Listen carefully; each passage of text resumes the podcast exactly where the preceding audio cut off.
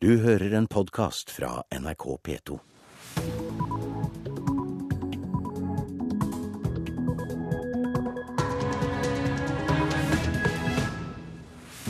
Og der passerte klokka 6.30. Det er onsdag 20. juni. Jeg heter Hege Holm. Og dette er hovedsakene i P2s Nyhetsmorgen akkurat nå. Den tidligere presidenten i Egypt, Osni Mubarak, blir holdt kunstig i live på et militærsykehus i Kairo.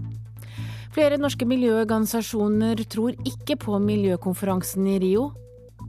Nå har det lenge sett ut som det ikke kom til å komme noe særlig konkrete resultater ut av det møtet her. Så derfor har ikke vi prioritert å dra dit. Det sa Ingeborg Gjærum i Naturvernforbundet. Og Barneombudet er skuffet over regjeringens stortingsmelding om asylbarn. Da skal vi først i sendinga til Egypt, for Egypts tidligere president Osni Mubarak ligger altså i koma etter et hjerneslag. De første meldingene sa at Mubarak var klinisk død, men de offisielle bulletengene sier nå at han er bevisstløs og ligger i respirator. Meldingene om Mubaraks tilstand vakte jubel på Tahir-plassen i Kairo i går kveld. Demonstrantene på Tahir-plassen var i full gang med å feire det de mener er seier til presidentkandidaten til Den muslimske brorskapen, da meldinga kom om at Mubarak hadde fått slag og kanskje også var død. Det gjorde festen enda større. Vi trenger verken han eller familien hans, vi vil ha dem vekk, vi er lei av dem og alle de som har støtta han, var den gjennomgående holdninga til demonstrantene. Utenfor militærsykehuset der Mubarak blir behandla, var tonen noe mer forsonende blant de få som hadde samla seg. Hva enn han gjorde, så levde vi under styret hans i 30 år uten å være innblanda i kriger eller internasjonale konflikter, sier denne mannen. Inne i sykehuset ligger Mubarak nå i respirator, og de offisielle bulletengene understreker nøye at han er bevisstløs, men ikke klinisk død, som den første meldinga altså sa. Ja, og det sa reporter Gunnar Myklebust. FN-observatørene som ledes av norske Robert Mood, blir værende i Syria. Den norske generalmajoren har orientert Sikkerhetsrådet om situasjonen i landet, og understreket at observatørstyrken tross volden er moralsk forpliktet til å bli værende og trappe opp arbeidet i landet. We're not going anywhere. Vi drar ikke, sa Robert Mood til pressekorpset utenfor det lukkede møtet i Sikkerhetsrådet. Som sjef for observatørstyrken mente han at det ikke lenger var forsvarlig å ha de 300 internasjonale observatørene ute i syriske gater, og ga fredag forrige uke ordre om at de skulle holde seg inne på basene. Volden har blitt verre, og også styrken er blitt et mål, forteller general Mood. Shelling, small arms fire and other incidents are coming much closer, and we have been targeted several times over the last few weeks. I to timer var Robert Mood hos Sikkerhetsrådet her i New York. Men etter det NRK kjenner til, ble ingen beslutninger tatt på møtet. FN-oppdraget fortsetter uten endringer.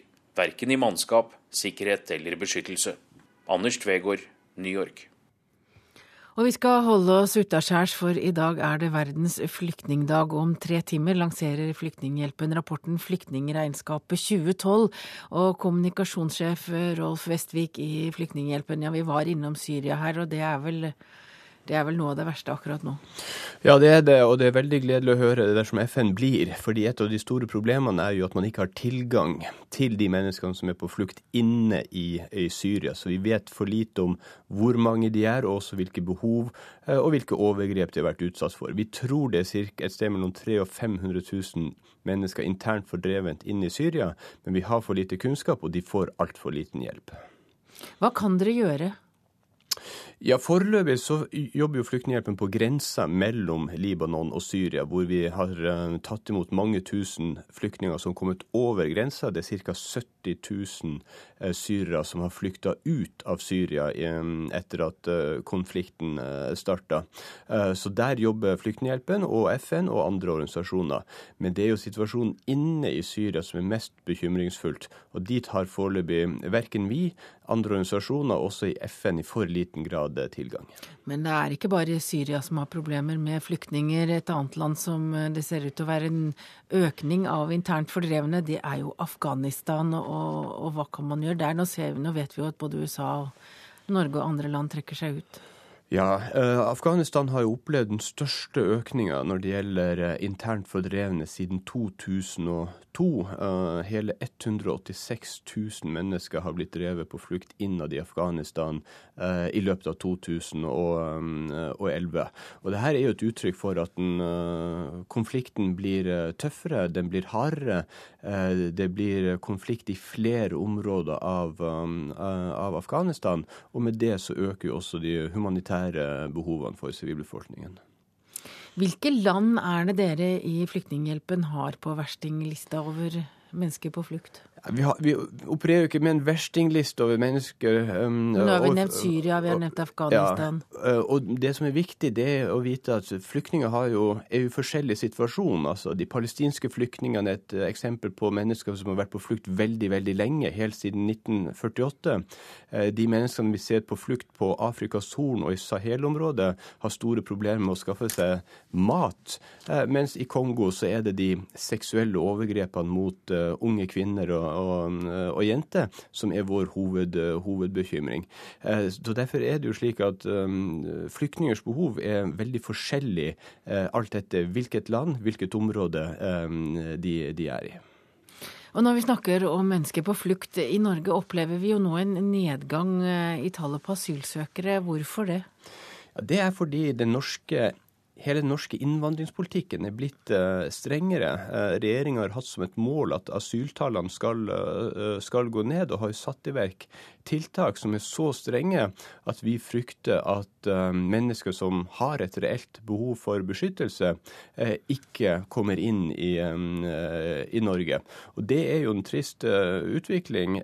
Nansens fødeland er blitt et land hvor man i større grad diskuterer hvordan man skal hindre folk som har et beskyttelsesbehov å, å komme til landet, enn å ta de godt imot.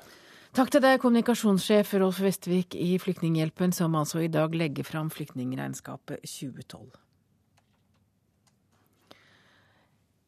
Da skal vi snakke om eh, asylbarn, for barneombud Reidar Gjerman refser nå regjeringen for å sende barn ut av landet for å være eksempel på streng asylpolitikk. Han er skuffet over regjeringens stortingsmelding Barn på flukt. Det er klart jeg som barneombud er nødt til å være skuffet over en melding som ikke ivaretar hensynet til barnets beste på en bedre måte enn denne.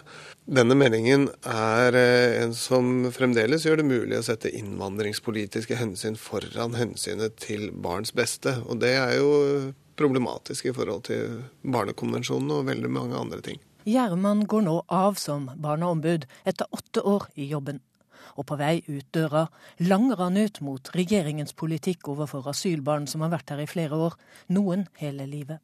Stortingsmeldinga gjør ingen forskjell, mener han. Nå har vi fått en eh, stortingsmelding som vi har venta på fryktelig lenge, og det kunne vi gjerne ha gjort hvis den hadde medført noe kvalitativt bedre for barn. Nå ser det ut som at den ikke kommer til å føre til noe endring i det hele tatt, så da kan man jo spørre seg om det er noe vits i det hele tatt. Mener Barneombudet at alle disse 450 barna, at de faktisk skulle få bli? Jeg kjenner ikke til alle disse 450 sakene, men jeg, det jeg vet med sikkerhet, er at hvis vi hadde vurdert alle disse sakene med barnets beste for øye, hvert enkelt barn, så ville vi vite hvem det er som burde få bli, og hvem det er som burde reise hjem. Utlendingsnemnda er riktignok blitt flinkere til å høre barna når de behandler saker, sier Gjerman. Selv om det ikke skjer alltid, så skjer det i noen saker nå, og de bygger opp en kompetanse på det. Men det er ikke bra nok. Eh, barn blir eh, fremdeles eh, sendt ut for å være eksempler på vår strenge asylpolitikk, i strid med hva som selvfølgelig er det beste for dem. Det var Knut Storberget som var justisminister da arbeidet med meldingen ble satt i gang. Barneombudet mener han hadde en annen holdning enn dagens justisminister Grete Faremo. Storberget var opptatt av hensynet til barn på en rekke områder, sier han. Nå har vi et annet regime, og når denne stortingsmeldingen da skulle landes, så kan det se ut som om den nye justisministeren ikke er like opptatt av det, men kanskje mer opptatt av at man skal opprettholde en streng og rettferdig asylpolitikk, som det blir sagt. Jeg tror at denne strenge og rettferdige asylpolitikken går på bekostning av barns rettigheter på en god del områder, dessverre. Her tenkte altså avtroppende barneombud Reidar Gjerman høyt. Reporter var Katrin Hellesnes, og verken justisministeren, barneministeren eller Knut Storberget ville kommentere Reidar Gjermans påstander. Da har vi kommet fram til dagens ferske aviser. I VG står det at aktoratet nå har bestemt seg om eh, terroristens syke. Det skal ha skjedd på et hemmelig møte i går kveld, men avisen vet ikke hva de har kommet fram til. Og Dagbladet har intervju med aktor Inga Beyer Eng, som sier at hun merker at det nå går på det siste giret.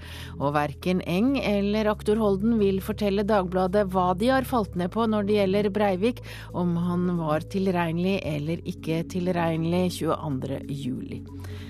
Aftenposten skriver at nordmenn har kuttet strømforbruket de siste tolv årene. Norske hus er blitt tettere, det er en av grunnene. Nå er hele Tromsø på anbud. Byrådet endret i går forslag like før avstemning. Det skriver avisen Nordlys. Flystøy truer 100 boliger på Ørland. Det holder ikke med støydempende tiltak, det har Forsvarsbygg kommet fram til, skriver Adresseavisen. Verdens ledere må handle nå. Vi har ikke råd til å vente 20 år til. Det sa tidligere statsminister Gro Harlem Brundtland til toppmøtet i Rio 20 år etter første gang hun snakket til verdens ledere og sa nøyaktig det samme. Spanias renter skyter i været. Lånerenten har passert 7% det høyeste nivået siden euroen ble innført. Og en Hellas-lignende krise rykker nærmere, skriver Klassekampen. På Nasjonens forside er det full krangel om tjuvjakt på ulv. Den ulovlige ulvejakta er omfattende, tror Rovdata, mens Norsk sau og geit sier at utspillet bare er strategisk. Og Vårt Land har en gladsak på sin eh, førsteside i dag, i hvert fall en gladsak for den kristne avisa Vårt Land, for avisen kan melde om vekst i kirkebesøket. 7 flere, flere besøkte kirken på julaften eh, i fjor enn året før, og Kirkerådets leder tror at terroranslaget 22.07 er en del av forklaringen.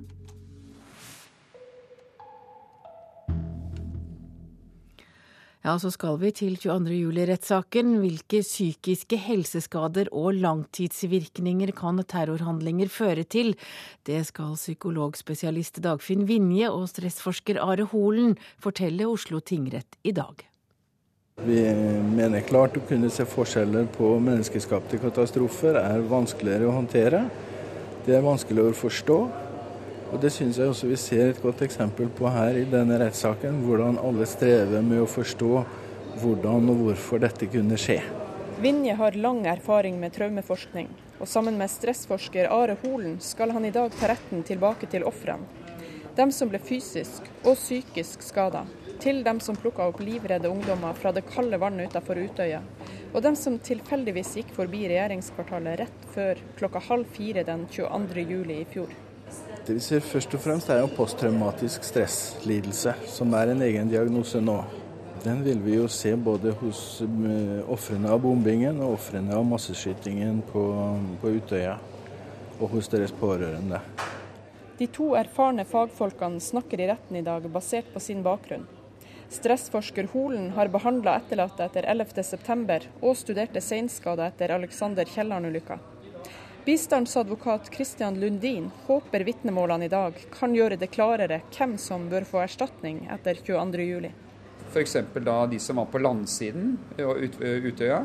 De har jo ikke fått erstatning. Spørsmålet er jo er, er de nær, stort sett nær nok til hendelsen for å få erstatning. Og f.eks. også da foreldre til eh, barn som var på Utøya, som hadde kontakt med barna sine. Opplevde det som en stor stressituasjon hvor de allikevel overlevde. og Spørsmålet er da kan foreldrene kreve erstatning i kjølvannet av den handlingen. I tillegg til de sakkyndige skal også etterlatt etter regjeringskvartalet Tor Østbø og etterlatt etter Utøya Kirsten Westerhus i vitneboksen i dag.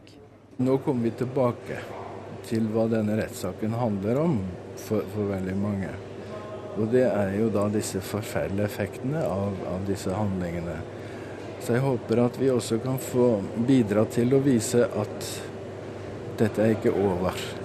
For mange er det nå det begynner. Ja, det sa psykologspesialist Dagfinn Vinje til reporterne Marit Kolberg og Eva Marie Strand. Ukrainas landslagssjef Oleg Blokin lot det gå utover dommerne og journalistene etter at vertsnasjonen røk ut av EM etter 0-1 for England mandag. Det var fem dommer på banen, og ballen var 50 cm over mållinjen. Hvordan kunne dommerne unngå å se det? Det var en irritert Oleg Blokkin som møtte pressen etter EM-exiten mot England i går. Og det går rett inn! Det er Rooney! Det er Wayne Rooney som gjør det! Som header ballen i mål! Wayne Rooneys mål ble kampens eneste i Donetsk, men Ukraina dominerte kampen og hadde i tillegg en ball over målstreken. Målet ble imidlertid aldri godkjent av dommerne. Plokkin takket laget og supporterne for innsatsen under mesterskapet, men det rant over for den tidligere storspilleren da det ble stilt spørsmål til trenerens taktiske disposisjoner i den avgjørende kampen. Vil du utfordre meg? La oss ta det utenfor, mann til mann.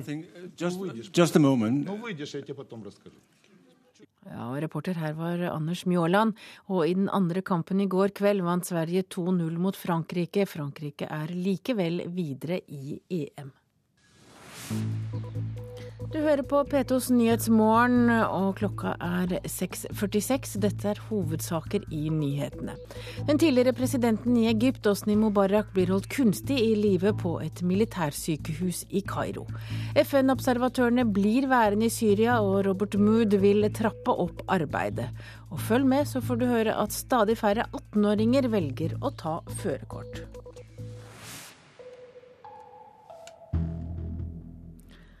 Deler av den norske miljøbevegelsen velger å ikke delta på Rio pluss 20-konferansen.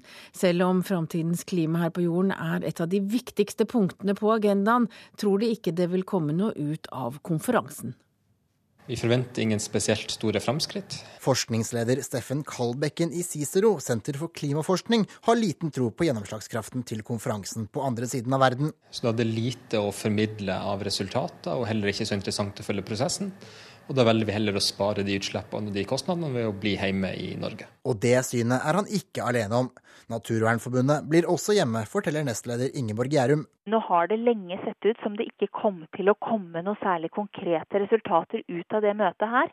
Så derfor har ikke vi prioritert å dra dit. Det trengs mer internasjonalt samarbeid, men vi har ikke vært overbevist om at dette er den rette arenaen. Og reporter her var Kent Amar Eriksen. Over ni av ti europeiske veterinærklinikker ga mangelfull informasjon til dyreeiere om innføring av dyr til Norge. Det viser en ny undersøkelse fra Veterinærinstituttet. Dette kan i verste fall føre til innføring av farlige parasitter, forteller forsker Rebekka Davidsson. I Frankrike, Belgia og Tyskland det var de tre land som kom verst ut i undersøkelsen hvor vi fikk ikke tilstrekkelig reiseråd. I en ny undersøking fra Veterinærinstituttet ble klinikker i europeiske land ringt opp av fiktive hundeeiere for å høre om hva krav som gjaldt dersom de skulle ta med seg dyra over grensa til Norge. Over ni av ti veterinærer feilinformerte om regelverket. Jeg tror det er veldig vanskelig for dyreeiere å prøve å forholde seg til regelverket um, hvis de ikke vet hva regelverket er. Og den studien her har vist at det er vanskelig å finne ut den informasjonen. At man kan ikke stole på at man får det fra veterinæren. Undersøkinga viste at mange europeiske klinikker ikke visste at dyret må være behandla for dvergbendelmark. Parasitten er ennå ikke påvist i Norge, men ble nylig oppdaga i Sverige. Denne bendelormen er svært utbredt i andre europeiske land, sier grenseveterinær Marit Forborg. Hun må stadig oftere gripe inn hos ubehandla dyr. Vi har mange mange av det per uke, og mange hundre hvert år. Og fjor, altså i 2011, hadde vi rundt regna 6000 kjæledyr som var ute på reise med sine eiere, som kom inn over Gardermoen. Og Det øker jo selvfølgelig med antall dyr som kommer, og da øker jo også antall dyr som kommer ubehandla. Så jeg vil jo si at eh, Det er ganske stort omfang av det. altså. Ved ankomst til flyplassene er det ingen som kommer gjennom dersom papirene fra veterinæren ikke er i orden. Men forbereder er uroa over de som kommer kjørende med bil. Vi har jo ikke kontroll med de som da kjører bil over grensene, hvor det bare tas stikkprøvekontroller. ikke sant? Der kan det jo komme masse, i verste fall masse dyr inn som ikke er behandla. Vi har jo en lang grense, så det er klart, og det er jo ikke vanskelig å kjøre inn over de grensene med bil. Så det, De mørketallene tror jeg er ganske store. Infiserte hunder skiller ut egg i avføringa, men egga kan også sitte i pelsen. Dersom mennesket blir smitta, vil en få svulstaktige samlinger av parasitter på indre organ. Dette er en langvarig prosess. Symptomer vil ikke merkes før etter 10-15 år. Konsekvensene av uvitende veterinærer kan altså være store. Da blir mennesket en slags det vi kaller en mellomvert, og da, da kan den eh, lage store problemer i indre organ, som i verste fall kan medføre død. Uff da. Reporter her var Katrine Nybø. Færre 18-åringer velger å ta lappen. Ifølge Statens vegvesen tar langt under halvparten av landets 18-åringer førerkort, og særlig jenter venter med å lære seg å kjøre bil. Det gjelder ikke for Silje Presthus Musum fra Trondheim. Hun er fortsatt 17 år, men vi ble med på hennes første kjøretime. Der, ja. Da setter vi inn i første gir, tror jeg.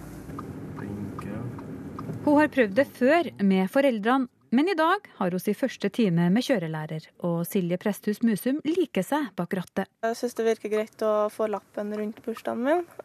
Så har jeg nå i hvert fall, selv om jeg ikke skal kjøpe meg bil, så har jeg i hvert fall muligheten til å kjøre hvis jeg vil, da. Om en måneds tid fyller hun 18 år, og hun prioriterer å bruke sommeren på å få lappen, når stadig færre på hennes alder gjør. Det kan jo være en del som eh, ikke er så interessert i å få lappen fordi de føler de kommer seg fram med andre ting, da, buss eller noen andre som kjører. Eller så kan det være at det er noen som rett og slett ikke har råd, og at foreldrene ikke betaler til dem, så vil de skaffe seg jobb først. Betaler foreldrene for deg? Ja. Gir du på litt til?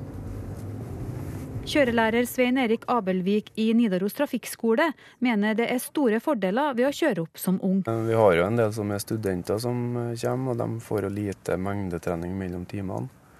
Og sliter kanskje litt mer sånn sett, fordi at de får ikke repetert hjem. Menn mellom 18 og 24 år er overrepresentert i ulykkesstatistikken.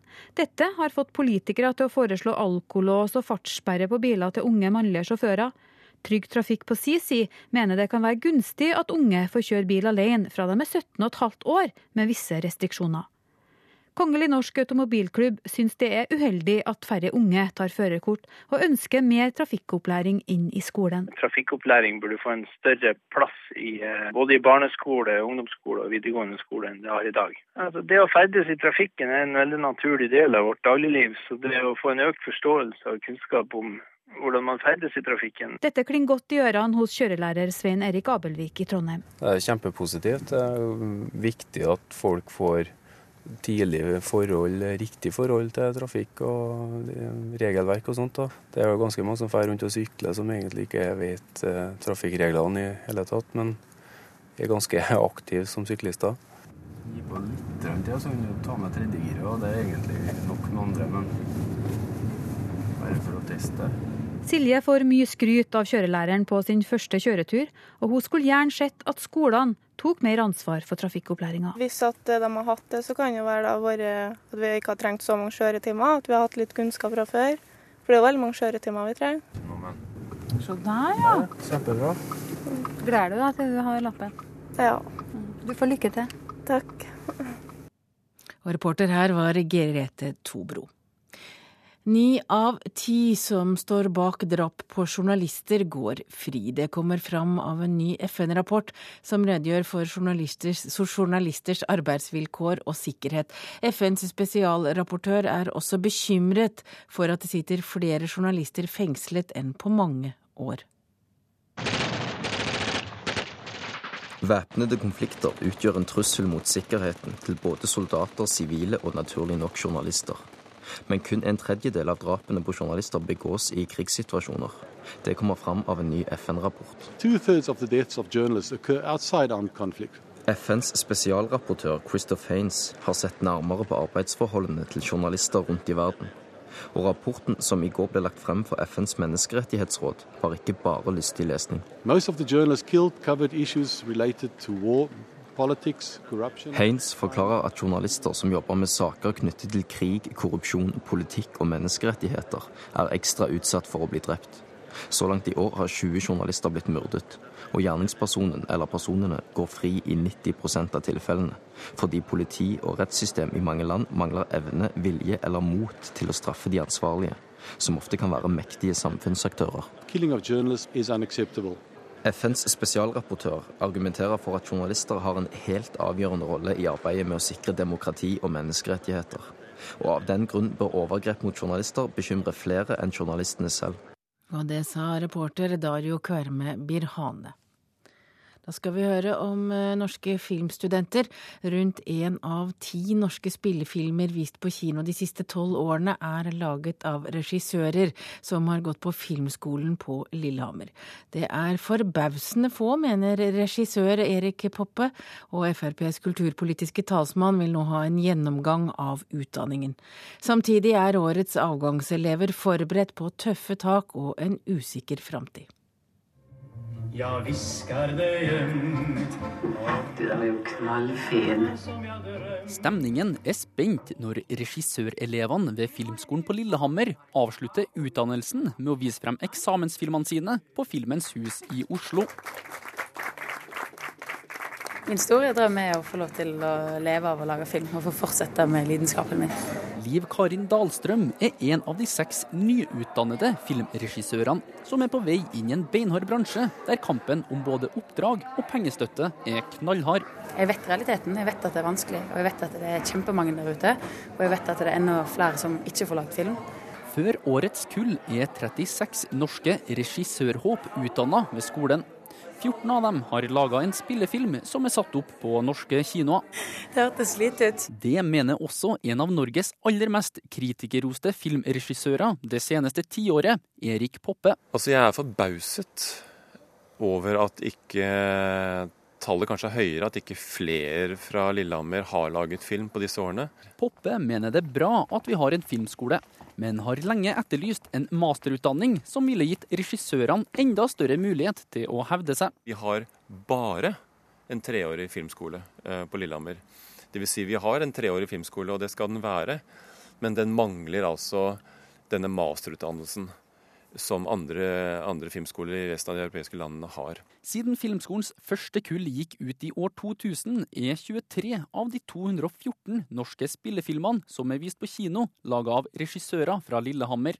Det er for få, mener Fremskrittspartiets kulturpolitiske talsmann Ib Thomsen. Sånn som jeg ser det, så er det jo dårlige resultater, og da er det vel helt naturlig at man går inn og evaluerer seg. Så jeg syns en evaluering, ser litt rundt seg i Europa kanskje enda lenger også til USA. Hva er det man gjør innenfor filmen der, og, og hvilke suksesser man har, og finne suksessfaktorene. Dekan ved Filmskolen, Thomas Stenderup, mener på si side at Filmskolens elever presterer svært bra. Det er ekstremt godt. Hvis du, ser, hvis du sammenligner det med internasjonale tall, så vil du oppdage det er ekstremt flott.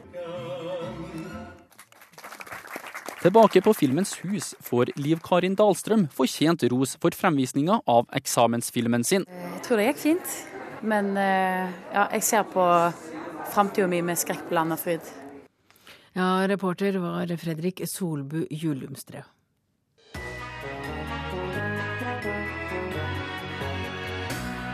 Hvilket krydder er hovedstaden i Oman? Og hvor gammel er egentlig euroen? Det er quiz i Radioselskapet alle hverdager i sommer. Send navnet ditt på SMS til 1987, kodeord 'Selskapet', så kan du bli med i Selskapslekene og vinne DAB-radio og kokkekniv. Selskapslekene klokken 11 i P2. Og da kan jeg fortelle litt om hvordan været blir mens du følger selskapslekene i P2. Vi har et varsel som gjelder fram til midnatt. Fjellet i Sør-Norge, der ventes det stort sett opphold og perioder med sol. Fra i ettermiddag lokale regnbyger.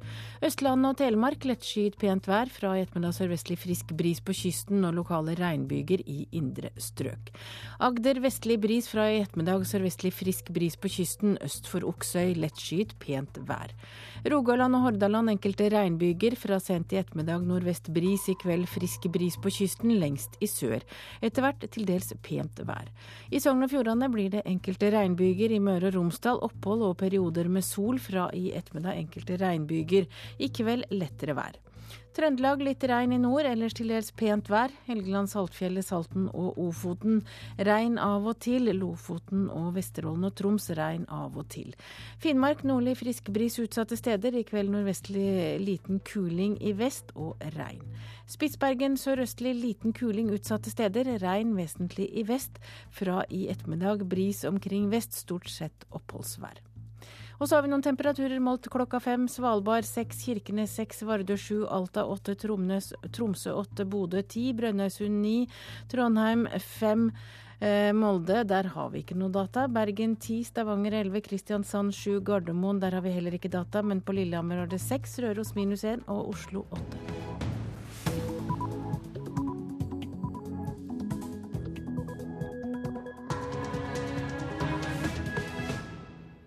Klokka er sju, du lytter til Nyhetsmorgen. Jeg heter Hege Holm, og her er en nyhetsoppdatering. Egypts tidligere president Osni Mubarak ligger i koma etter et hjerneslag, og han blir holdt kunstig i live. Helsetilstanden hans er uh, ikke særlig god. Det virker som om han har hatt et uh, alvorlig slag, men at han uh, nå er tilbake i live. Det sa Midtøsten-korrespondent Sigurd Falkenberg Mikkelsen. FNs observatører i Syria er selv blitt mål, forteller den norske general Robert Mood i Sikkerhetsrådet i FN. Volden har blitt verre, og også styrken er blitt et mål, forteller general Mood. Shelling, small arms fire and other incidents are coming much closer, and we have been targeted several times over the last few weeks. Wikileaks-grunnlegger Julian Assange er under Ecuadors beskyttelse i London etter at han i går kveld søkte politisk asyl i Ecuador. Mye av bråket rundt rettspsykiatrien i terrorsaken kunne vært unngått, sier fagfolk som foreslo flere endringer allerede i 2001. Man ville antagelig hatt mer standardiserte rutiner og metodikk. Man ville hatt større likhet mellom alle rettspsykiatriske erklæringer. Det sa psykiater Randi Rosenquist. Og barneombud Reidar Gjerman refser regjeringens behandling av asylbarn. Ja, og Som vi hørte, altså, så eh, ligger eh, Egypts tidligere president Osni Mubarak i koma. De første meldingene i går kveld sa at Mubarak var klinisk død, men de offisielle bulletengene sier nå at han er bevisstløs og ligger i respirator. Og korrespondent Sigurd Falkenberg Mikkelsen i Kairo, hva vet du om tilstanden til Mubarak i morgentimene? Nei, Hele Egypt eh, venter jo nå på en offisiell uttalelse. Eh, den er varslet ifølge stats-TV, men eh, drøyer. Så Foreløpig så er det anonyme kilder og litt sprikende uttalelser. Men han har altså blitt flyttet fra fengselet, Tora-fengselet, hvor han ble holdt etter å ha blitt dømt 2.6, til et militærsykehus i Madi, rett i utkanten av Kairo. Og Det virker der som han da holdes kunstig, at han holdes i live. Det er snakk om at han er i koma, eh, men ingenting er bekreftet. Det meldes også at eh, Susanna, kona hans, eh, er ved hans side. Men det har altså vært veldig vanskelig å få ut noen presis informasjon rundt helsetilstanden hans, og slik har det jo egentlig vært den siste perioden. Hvordan blir meldingene fra militærsykehuset mottatt av egypterne? Nei, altså Det har vært tilløp til feiring på Tahrir-plassen. Eh, men bortsett fra det så har det vært relativt stille. Det var noe tuting og, og sånn i gatene akkurat da meldingen om at han var klinisk død kom. Eh, men jeg tror de aller fleste egyptere har egentlig veldig mye annet å bekymre seg for nå enn, eh, enn Hosni Mubarak. Sånn at det er viktig for dem. Men vi er jo inne i en dyp politisk krise i Egypt akkurat nå. og mange har jo også mer enn nok med å få, uh, få endene til å møtes rent økonomisk. Ja, Vi har jo hørt at Mubarak har hatt store helseproblemer siden han fikk livstidsdommen for tre uker siden. Eh, får han fullverdig behandling der han er? Nå er han flyttet til et militærsykehus som er et av Egypts aller beste. Eh, det har jo vært veldig mye spekulasjoner rundt helsetilstanden hans, og det er jo mange i Egypt som mistenker at dette har vært del av et politisk spill også, for å få han ut av fengsel. Eh, det virker som han er syk nå, eh, men i og med at det ikke kommer noe ordentlig informasjon, så, så får disse spekulasjonene vann på mølla. Og det kommer jo da som sagt opp i en situasjon hvor Egypt ikke har noen grunnlov, ikke har noe parlament, og selv om presidentvalget er unnagjort, så har det heller ikke kommet noen offisielle resultater fra dette presidentvalget. og Begge presidentkandidatene, Mohammed Morsi og Ahmed Shafiq, sier jo at de har vunnet valget. Ja, Når får vi avklaring om presidentvalget? Det er sagt at det skal komme i morgen. Og den offisielle uttalelsen lar vente på seg der også. Men brorskapet var jo ute på Tahrir-plassen i går, og de mener at de er helt sikre på at de har vunnet og at de har ordentlige opptellinger. Men også det venter på seg. Det gjør jo at situasjonen er i Kairo nå er veldig spent. Takk til deg, Midtøsten-korrespondent Sigurd Falkenberg Mikkelsen fra Kairo. FNs observatør i Syria er selv blitt mål, fortalte den norske general Robert Mood Sikkerhetsrådet i natt. Han forsvarte avgjørelsen om å innstille arbeidet i det borgerkrigsherjede landet. We're not going anywhere. Vi drar ikke, sa Robert Mood til pressekorpset utenfor det lukkede møtet i Sikkerhetsrådet. Som sjef for observatørstyrken mente han at det ikke lenger var forsvarlig å ha de 300 internasjonale observatørene ute i syriske gater, og ga fredag forrige uke ordre om at de skulle holde seg inne på basene. Volden har blitt verre, og også styrken er blitt et mål, forteller general Mood. Shelling, small arms fire and other incidents are coming much closer, and we have been targeted several times over the last few weeks. Daglig vurderer han om observatørene skal ut og oppfylle FNs mandat, men foreløpig ser det mørkt ut. The risks made it extremely difficult to implement mandated tasks. I'm reviewing that on a daily basis Robert Mood har fått garantier fra syriske myndigheter om at observatørene skal få operere fritt uten å bli angrepet. Men opposisjonen har ikke kommet med samme forpliktelser. I to timer var Robert Mood hos Sikkerhetsrådet her i New York. Men etter det NRK kjenner til, ble ingen beslutninger tatt på møtet. FN-oppdraget fortsetter uten endringer. Verken i mannskap, sikkerhet eller beskyttelse. Russland motstår fortsatt vestlig press om hjelp til å fjerne president Bashar al-Assad. For to dager siden het det i en felles erklæring fra USA og Russland at det trengs en politisk prosess for å få slutt på blodbadet i Syria. President Vladimir Putin utdypte det på en pressekonferanse i går, og sa at ingen har rett til å bestemme hvem som skal være i posisjon i andre nasjoner. Det er ikke regimeendring som er viktig, men at etter det er byttet ut, som må gjøres etter Grunnloven, må volden stanse og freden komme, sier Putin. That, uh, point, uh,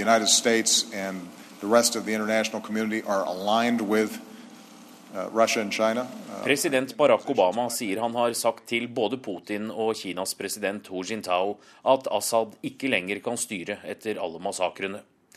Vi er nok ikke helt på linje ennå, innrømmet Barack Obama under G20-møtet i Mexico i går kveld. I welcome the very balanced statement of General Mood. Syria støtter derimot helhjertet opp om den norske generalens innsats. Syrias FN-ambassadør Bashar Jafari roste bl.a. Moods framleggelse av erfaringene på bakken i Sikkerhetsrådet. This mission is very important for the safety and security of all Syrian civilians. For en måned siden rapporterte Robert Mood at observatørene hadde en beroligende effekt på partene. Den effekten er nå borte. Anders Tvegård, New York.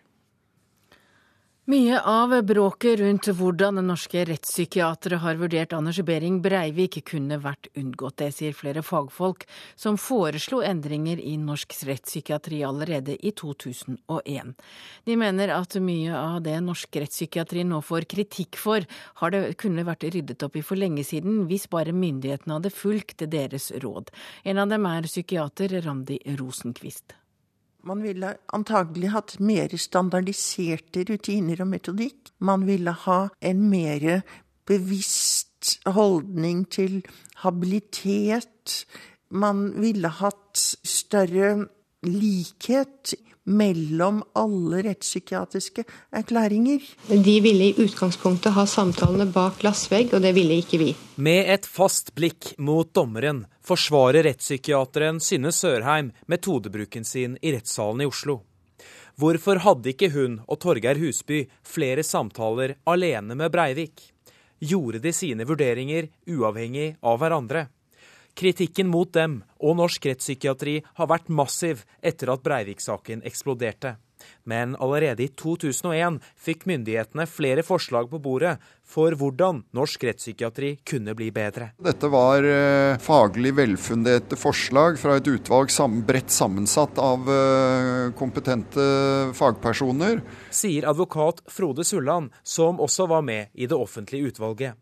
Det var forslag knyttet til uh, utdanning, knyttet til uh, kvalitetssikring, både en intern og ekstern kvalitetssikring. Det var uh, ønske dermed om kompetanseheving.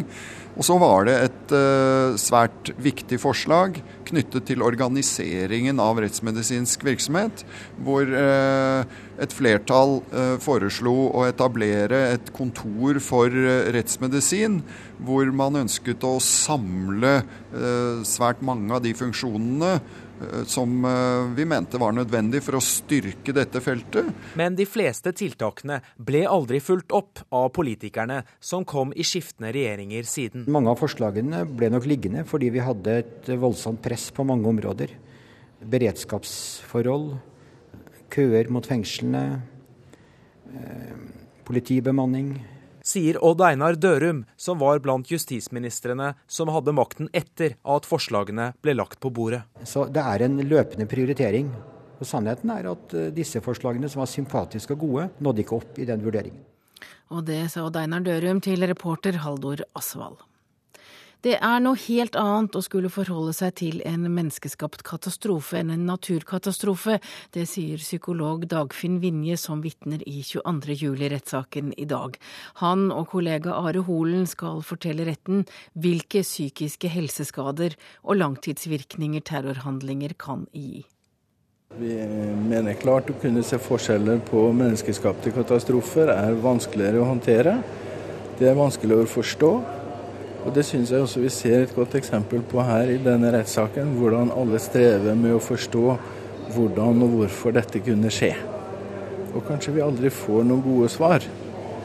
Vi får ikke noen gode svar for hvorfor en snøfonn eller et skred raser heller. Men det er liksom noe som hører naturen til. Dette gjør det ikke.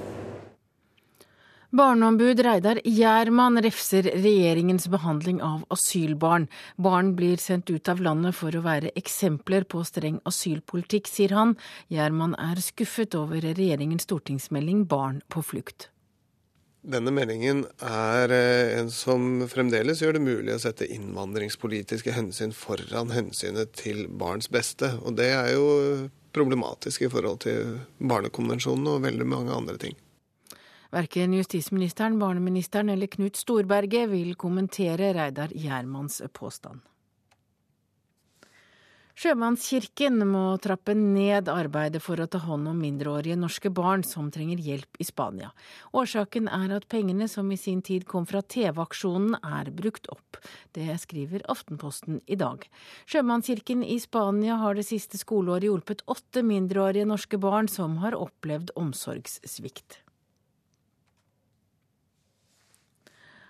Wikileaks grunnlegger Julian Assange er under ekvadoriansk beskyttelse i London etter at han i går kveld søkte om politisk asyl i Ecuador.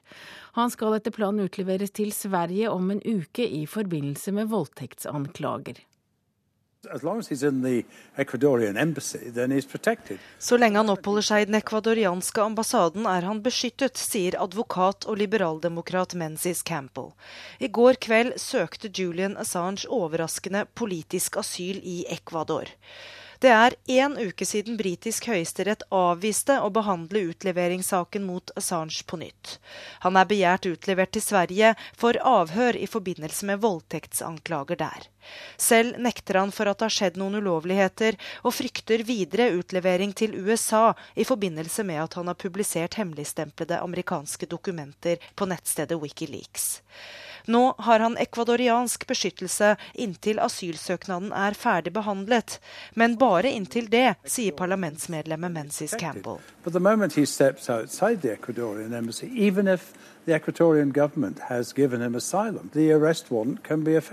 Høyesterett ga Assange tiden fram til 28.6 før han blir utlevert til Sverige.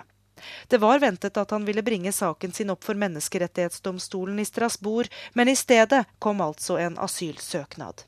I en uttalelse sier Assange at han er takknemlig for at den ekvadorianske regjeringen behandler søknaden hans.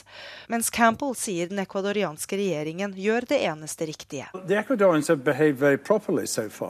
What they've said is the United Nations Convention, anyone who applies for asylum has to have his or her case carefully considered, and that's what they're doing at the moment. Og dette var Gry Blekkastad Almås som hadde laget vår korrespondent i London. Klokka er 7.15, du hører på Nyhetsmorgen, og dette er hovedsaker akkurat nå. Dagens verdensledere må klare å forplikte seg mer til felles miljøansvar, det sier Gro Harlem Brundtland. Egypts tidligere president Osni Mubarak ligger i koma etter et hjerneslag, og FNs observatører i Syria er selv blitt mål, fortalte den norske general Robert Mood i Sikkerhetsrådet i FN.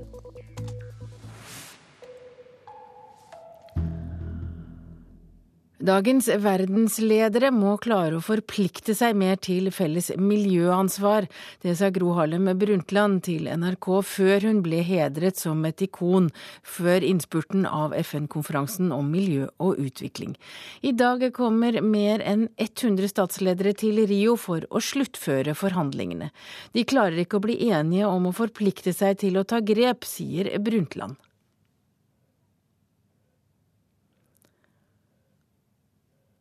Og eh, da venter vi på reportasjen vår fra Rio, og der eh, skal vi høre Gro Harlem Brundtland. Det, det og det er tragisk. Og det som kommer ut herfra, er altfor dårlig i forhold til hva man burde ha gjort her. Dessverre. Hva syns du om viljen til å forplikte seg, da?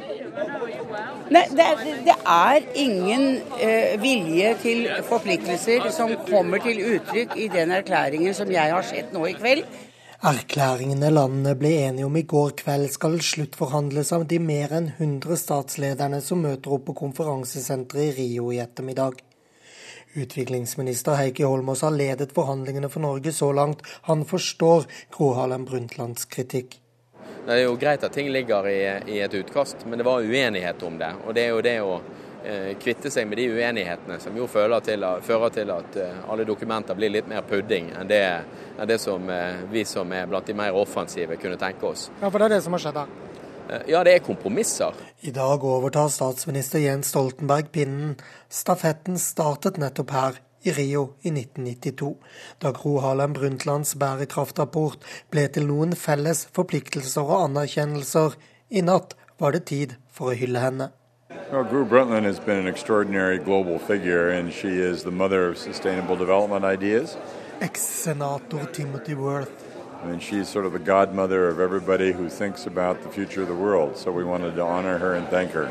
FN-topp- og toppmøtearrangør Elisabeth Thompson. And all of us are here to celebrate her and her wonderful work in terms of sustainable development. Aktivist Susan Bass. We're very honored to be here to celebrate one of the icons of the women's environmental movement. Forretningsmann Richard Branson. She's a you know, absolutely remarkable individual. De hyller ekstraordinære, ikoniske Gro Harlem Brundtland 17 etasjer over Rios gater.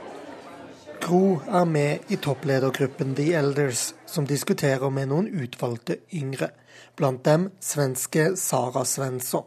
Hun var ikke i Rio for 20 år siden, men feirer Gro vel vitende om at årets utbytte langt fra er 20 ganger bedre. Nå, 20 år senere, så har vi en enorm mulighet å se til så at det som bestemtes for 20 år siden implementeres. For vi ser at vetenskapen vitenskapen sier at miljøsituasjonen i verden har blitt sämre enn for 20 år siden. Og det er helt uakseptabelt. Vi må virkelig se til å gjøre noe åt det. Ja, vår reporter i Rio de Janeiro er Lars Nehru Sand. Deler av den norske miljøbevegelsen boikotter det viktige FN-toppmøtet Rio pluss 20. Liten tro på at møtet vil, nyte, vil nytte miljøet godt, gjør at de heller sparer verden for CO2-utslippene fra flyet, og dermed blir de hjemme.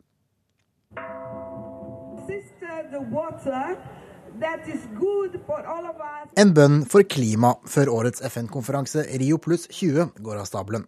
Konferansen om miljø og utvikling som arrangeres i Brasil, har som mål å finne løsninger og komme til nye forpliktende avtaler om klima. I dag, nøyaktig 20 år etter den første internasjonale FN-konferansen om bærekraftig utvikling i samme by, møter rundt 50 000 mennesker, inkludert 115 stats- og regjeringssjefer. Men noen blir hjemme. Vi forventer ingen spesielt store framskritt. Forskningsleder Steffen Kalbekken i Cicero, Senter for klimaforskning, har liten tro på gjennomslagskraften til konferansen på andre siden av verden. Så da er det lite å formidle av resultater, og heller ikke så interessant å følge prosessen. Og Da velger vi heller å spare de utslippene og de kostnadene ved å bli hjemme i Norge. Og det synet er han ikke alene om.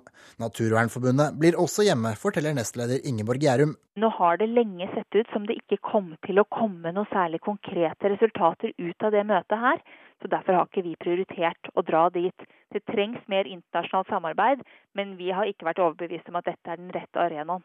Hva er det de gjør feil da, på denne konferansen? Det som vi ser er problemet, det er jo rett og slett at viljen til faktisk å få til noe er for liten.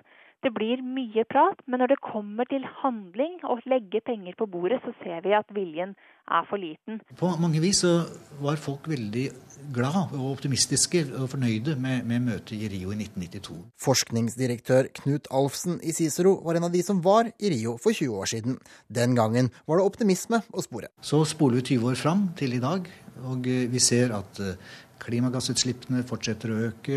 Eh, arbeidet med å stoppe forørkningen er falt helt fra hverandre. Man kom ingen vei. Og eh, da mister man litt troen simpelthen på denne type store internasjonale møter, som hauser opp og har mye retorikk rundt hvor eh, viktig det er å redde verden. Men det blir ingen handling og noen aksjoner i etterkant, ser det ut til. Og reporter her var Kent Amar Eriksen. Ølsalget går ned for fjerde år på rad. Tall fra Bryggeriforeningen viser at ølsalget har falt med 9% siden 2008, skriver Finansavisen. Salget fra store bryggerier synker mest, mens ølsalget fra mikrobryggeriene går kraftig fram. Det blir stadig færre hjelpepleiere på sykehusene, det melder Dagens Næringsliv, mens tallet på leger og sykepleiere har gått opp med henholdsvis 20 og 10% Siden 2007 har tallet på hjelpepleiere gått ned med 14% Det er, viser en rapport fra Arbeidsforskningsinstituttet. Ja, da skal vi til fotball-EM, der England og Frankrike i går kveld ble klare for sluttspillet. Men vi skal vende blikket mot Russland. Det pågår en skikkelig politisk oppvask etter at fotballandslaget røk ut av fotball-EM. I en kommentar til landslagsspillernes betaling sier Russlands sportsminister Vitalij Mutko at de nå må huske de spiller for hele nasjonen. Og Moskva-korrespondent Hans-Wilhelm Steinfeld, hvem deles det politiske gule kortet ut til nå i russisk fotball? Fremfor alt til landslagskaptein Andrej Arsjavin. For etter at nederlaget var et faktum, sa han nokså arrogant til supporterne at var det deres forventninger eller spillernes egne forventninger som ble skuffet? For hvis det var eh, supporterne, så var det mer deres problem enn det var landslagets problem. Og dette har brakt raseri over stjernen Andrej Arsjavin. Og man stiller spørsmål ved om han er verdig til å være landslagskaptein. I tillegg så får landslagssjefen Dirk Advokatsa-hatten passer, for her er den nasjonale skuffelsen enorm. Ja, hvorfor går det utover treneren?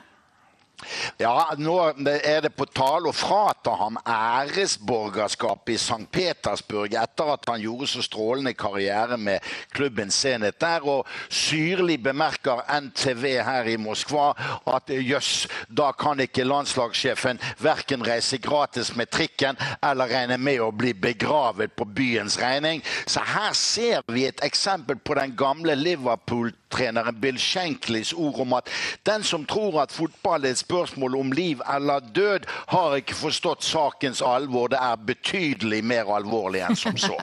og president Putin han har jo tidligere refset dårlige idrettsprestasjoner. Er sport fremdeles politisert som det var i sovjettiden?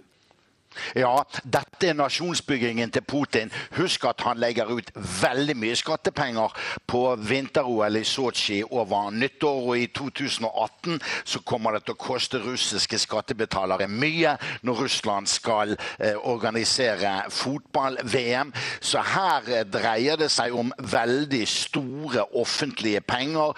Og som ellers i fotballen er spillerne her i Russland unge og kraftig bortskjemt med voldsomme inntekter. Takk til deg, Moskva-korrespondent Hans-Wilhelm Steinfeld. Da har vi kommet fram til en eh, presserunde. Vi starter med VG, som skriver at nå har aktoratet bestemt seg om terroristens syke. Det skal ha skjedd på et hemmelig møte i går kveld, men avisen vet ikke hva de har kommet fram til. Og Dagbladet har intervju med aktor Inga Beyer-Eng, som sier at hun nå merker at det går på siste giret. Verken Eng eller aktor Holden vil fortelle Dagbladet hva de har falt, på, falt ned på når det gjelder Breivik, om han var tilregnelig eller utilregnelig 22.07. Aftenposten skriver at nordmenn har kuttet strømforbruket de siste tolv årene. En av grunnene er at norske hus er blitt tettere. Nordlys skriver at hele Tromsø nå er på anbud etter at byrådet endret forslag like før avstemning i går kveld. Flystøy truer 100 boliger på Ørland. Det holder ikke med støydempende tiltak. Det har Forsvarsbygg kommet fram til, skriver Adresseavisen. Og Spanias renter skyter i været. Lånerenten har passert 7% det høyeste nivået siden euroen ble innført. Og en Hellas-lignende krise rykker nærmere, skriver Klassekampen. På Nasjonens forside er det full krangel om tjuvjakt på ulv. Den ulovlige ulvejakta er omfattende, tror Rovdata, mens Norsk sau og geit sier at utspillet bare er strategisk. Og så er det en gladsak for den kristne avisa Vårt Land i dag. Avisa kan melde om vekst i kirkebesøket. 7% flere besøkte kirken på julaften enn året før. Og Kirkerådets leder tror at terroranslaget 22.07 er en del av forklaringen.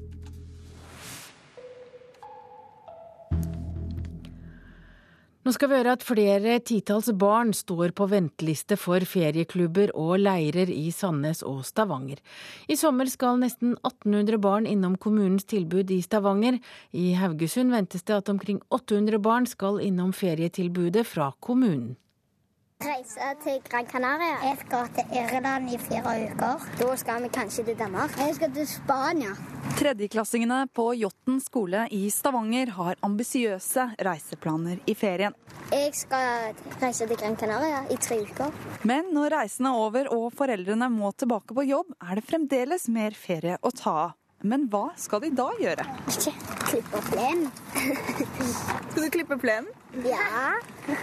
Heldigvis så er det litt annet å finne på enn å klippe plenen. Sommerleir på Via, ridekurs, klatrekurs, kajakkurs, rockeskole, filmskole, Seilkurs. seilkurs, karate Kalle Eide og Hege Blom i Stavanger kommune ramser opp bare noen av tilbudene i Stavanger denne sommeren. Ja, det, er, er over 20 forskjellige ting som, som jeg kan velge. Nå har vi helt sikkert glemt noen, det er jo litt flaut, men OK. Ventelistene er like lange som deltakerlistene, og det er jo både dumt og, og bra, for det viser at vi har et tilbud som treffer. Og tilbudet treffer flere og flere. Ja, vi har to, to barn i fiksferie. Vi klarer ikke å dekke hele skoleferien med egen ferie, så vi er avhengig av å, å ha de plassert et annet sted mens vi arbeider da, deler av sommeren. Ja, vi benytter oss av det til Jeg har ei jente i fjerde klasse som skal opp i femte til høsten, og da har hun ikke SFO, så hun skal være ei uke på leir på Vier. Det er jo viktig at de har noe som er kjekt og meningsfullt å holde på med de ukene når vi ikke har ferie sammen som familie. Bare i Stavanger skal 1800 barn innom tilbudet som kalles Fiks ferdig ferie. Også i kommunene rundt er det hundrevis av barn som enten er med på det kommunale tilbudet, fotballskoler eller lignende. Nesten litt for mange. Eh, Vi klarer nesten å gi tilbud til alle som søker innenfor fristen, men det er noen som ikke får plass. Men én ting er tilbudet ikke. Dette er ikke barnevakt. Dette er gøy for ungene. Det er det viktigste av alt. Det er jo en kabal for folk også å få til å gå opp med, med når skoleferien er åtte-ni uker. Så det er klart det er ikke så veldig mange som har, uh, som har så lang ferie. Så, så det er en kabal der òg som er selvfølgelig spiller inn på at uh, de trenger tilbud. At uh, jeg pleier å være med mamma på jobb. Jeg skal på en leir, men jeg vet ikke hvor det er. Sommerferien er ikke for lang, da? Nei, den kunne vært lenger. ja, jeg skulle ønske at den hadde vært rest, vart resten av året. Er dere klar for sommerferie? Ja! Og da er det bare å si God! Og reportere her var Inger Johanne Stenberg og Hanne Høyland. I den neste halvtimen her i Pettos Nyhetsmorgen får du først Dagsnytt. Etter Dagsnytt skal vi snakke om nesehorn som stadig blir angrepet av krypskyttere. Politisk kvarter, der skal det bl.a. handle om Senterpartiet. Produsent for Nyhetsmorgen er Ulf Tannes Fjell. Jeg heter Hege Holm. Hør ekko. Dagens pensjonist er ikke som før. Han har parkert rullatoren og går på spinning i stedet. Du Trine, jeg fikk spørsmål om jeg følte meg sliten nå. Ja, Hva svarte du da? Jeg sa ganske, men ikke fullt. Så jeg sa det er fortsatt litt å gå på. Hvor mye trening tåler egentlig en gammel kropp? En time ekko i hele sommer mellom klokka ni og ti i NRK P2. I Egypt svever Hosni Mubarak mellom liv og død. Det har ført til feiring i Kairos gater. Styresmaktene ignorerte tips for å rydde opp i rettspsykiatrien. Bråket rundt terrorrettssaker kunne vært unngått, mener fagfolk. Og Gro Harlem Brundtland er heidra på FN-konferansen om miljø og utvikling. God morgen, her er NRK Dagsnytt klokka 7.30. Den egyptiske ekspresidenten Hosni Mubarak ligger i koma etter et hjerneslag. De første meldingene sa at Mubarak var klinisk død, men det siste nå er at han er bevisstløs og ligger i respirator. Meldingene om at den forhatte ekspresidenten er døende, vakte jubel på Tariq-plassen i Kairo i går kveld. Demonstrantene på Tahir-plassen var i full gang med å feire det de mener er seier til presidentkandidaten til Den muslimske brorskapen, da meldinga kom om at Mubarak hadde fått slag og kanskje også var død. Det gjorde festen enda større. Vi trenger verken han eller familien hans, vi vil ha dem vekk, vi er lei av dem og alle de som har støtta han, var den gjennomgående holdninga til demonstrantene. Utenfor militærsykehuset der Mubarak blir behandla, var tonen noe mer forsonende blant de få som hadde samla seg. Hva enn han gjorde, så levde vi under styret hans i 30 år uten å være innblanda i kriger eller internasjonale konflikter, sier denne mannen. Inne i sykehuset ligger Mubarak nå i respirator, og de offisielle bulletengene understreker nøye at han er bevisstløs, men ikke klinisk død, som den første meldinga altså sa. Reporter Gunnar Myklebust. Og Midtøsten-korrespondent Sigurd Falkenberg Mikkelsen med fra Kairo. Ekspresident Mubarak er alt dømt til livsvarig fengsel for å gi ordre om å skyte mot demonstranter. Hva betyr det dersom han nå er døende? Er klart at det gjør jo krisen her eh, enda eh, mer eh, alvorlig uh, og mer dramatisk. Uh, vi er inne i en periode hvor Egypt verken har grunnlov, parlament eller at det er blitt noe avklaring på presidentvalget. Men rent praktisk så får det ikke all verden av betydning. Uh, Egypt har på mange måter gått videre, men igjen symbolsk så er det klart at mange har sterke minner, både negative, men også noen positive, etter over tre tiår med Mubarak som statsleder. Ja, hva mener egyptere flest om Mubarak nå? Nei, Det er veldig splittet. Eh, de som støtter han, eh, de mener jo at han er blitt urettferdig behandlet, men de aller fleste eh, har gått videre. og Det var jo relativt bred enighet eller støtte til den revolusjonen som styrtet han fra makten. og så Etter det så har, folk blitt uenige om veien videre. Så at det var noe feiring på Tahrir-plassen, men Kairo er nå ganske rolig. og De har også vent seg til spekulasjoner rundt hans helse. og jeg tror nok mange venter nå på en ordentlig uttalelse før, før, de bestemmer seg for, for, for, hvordan de skal gå videre. Takk skal du ha, Sigurd Falkenberg Mikkelsen. Så skal vi høre at FN-observatørene blir i Syria inntil videre, selv om arbeidet er innstilt. Det sa leder for styrken, generalmajor Robert Mood, til Tryggingsrådet i FN i natt. Observatørene holder seg nå i ro inne på basene sine. We're not going anywhere. Vi drar ikke, sa Robert Mood til pressekorpset utenfor det lukkede møtet i Sikkerhetsrådet.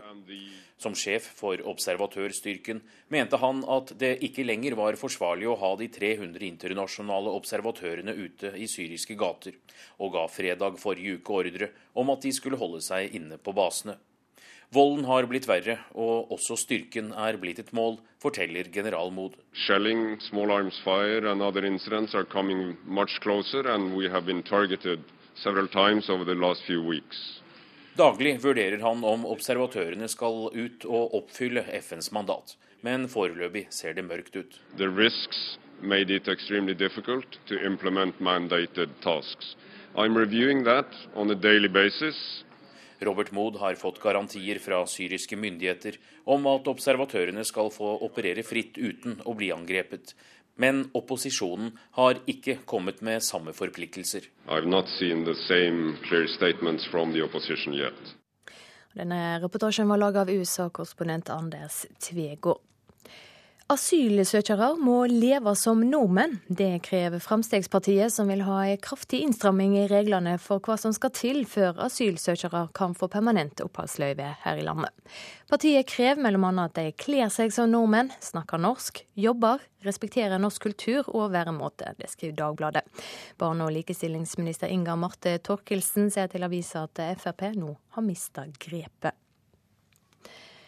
Mye av bråket rundt norske rettspsykiatere i terrorrettssaker kunne vært unngått. Det sier flere fagfolk som foreslo endringer i norsk rettspsykiatri allerede i 2001. En av de som kom med rydderåd til styresmaktene den gangen, er psykiater Randi Rosenquist.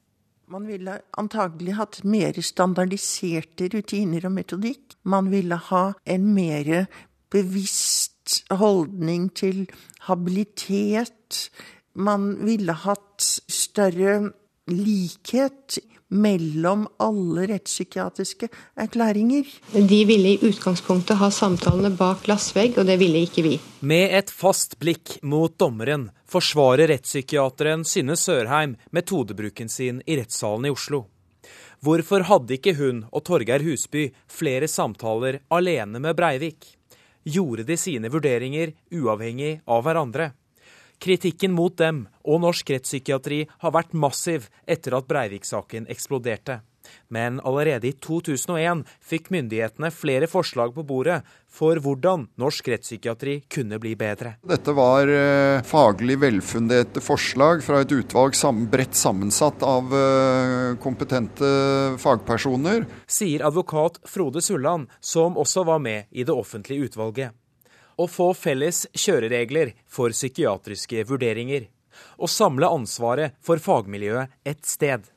Men de fleste tiltakene ble aldri fulgt opp av politikerne som kom i skiftende regjeringer siden. Mange av forslagene ble nok liggende fordi vi hadde et voldsomt press på mange områder. Sier Odd Einar Dørum, som var blant justisministrene som hadde makten etter at forslagene ble lagt på bordet. Og sannheten er at eh, disse forslagene, som var sympatiske og gode, nådde ikke opp i den vurderingen. Reporter Haldor Asvald. Lederne i verden må klare å forplikte seg mer til felles miljøansvar. Det sier Gro Harlem Brundtland. Hun ble heidra like før innspurten av FN-konferansen om miljø og utvikling. I dag kommer flere enn 100 statsledere til Rio for å sluttføre forhandlingene. Well, Gro Brundtland has been an extraordinary global figure, and she is the mother of sustainable development ideas. Ex-senator Timothy Worth I mean, she's sort of the godmother of everybody who thinks about the future of the world. So we wanted to honor her and thank her. Forretningsmann Richard Branson. She's a you know, absolutely remarkable individual. De hyller ekstraordinære, ikoniske Gro Harlem Brundtland, 17 etasjer over Rios gate. Byen som var rammen for Agenda 21, felles forpliktelser og videreutvikling av hennes bærekraftrapport for 20 år siden koblingene mellom miljø, økonomi og sosiale eh, spørsmål. I dag skal regjerende statsledere ta opp tråden og føre arven videre innen fredag. Gro Harlem Brundtland vil helst se fremover, men liker ikke det hun ser, for få vil forplikte seg. Det, det og det er tragisk. Og det som kommer ut herfra, er altfor dårlig i forhold til hva man burde ha gjort her. Dessverre. Reporter i Brasil, Lars Nehru Sand. Nå fotball og EM. De svenske landslagsspillerne takker for støtta fra supporterne gjennom mesterskapen. Sverige var ute av EM allerede før gårsdagens 2-0-siger over Frankrike, men laget gjorde likevel det de kunne for å gi tilhengerne noe tilbake. Drømmål, det er drømmål, det er drømmål igjen av Zlatan Ibrahimovic! Fantastisk. Jeg mener, det gir deg ekstra motivasjon, ekstra adrenalin Og det støttet du behøver. Jeg menar, för mig är fotboll 50% publik. I varje match vi har spelat har jag känt, förutom Ukraina, har jag känt att vi nästan är på hemmaplan. Det, det har varit fantastiskt. Och Ibrahimovic ser till att frälsa de 20 000 åskådarna! Titta Ralf runt omkring dig, hur de står upp och jublar och sjunger! Med 2-0 over Frankrike reiser Sverige hjem med æren i behold, selv om følelsene er blandet ettersom kvartfinalen aldri ble nådd. Likevel har man bevis for både seg selv og Sverige at man kan levere varene, sier landslagssjef Erik Hamrén. Herlig for selvrespekten, herlig for alle fantastiske supportere at vi får avslutte med, med noe positivt. Reporter Thomas Lerdal. I kveld er det kampfri i EM. I morgen blir det kvartfinale. Ansvarlig for Dagsnytt-sendingene denne morgenen, Bjørn Christian Jacobsen. Teknisk ansvarlig, Hanne Lunås. Her i studio, Silje Sande.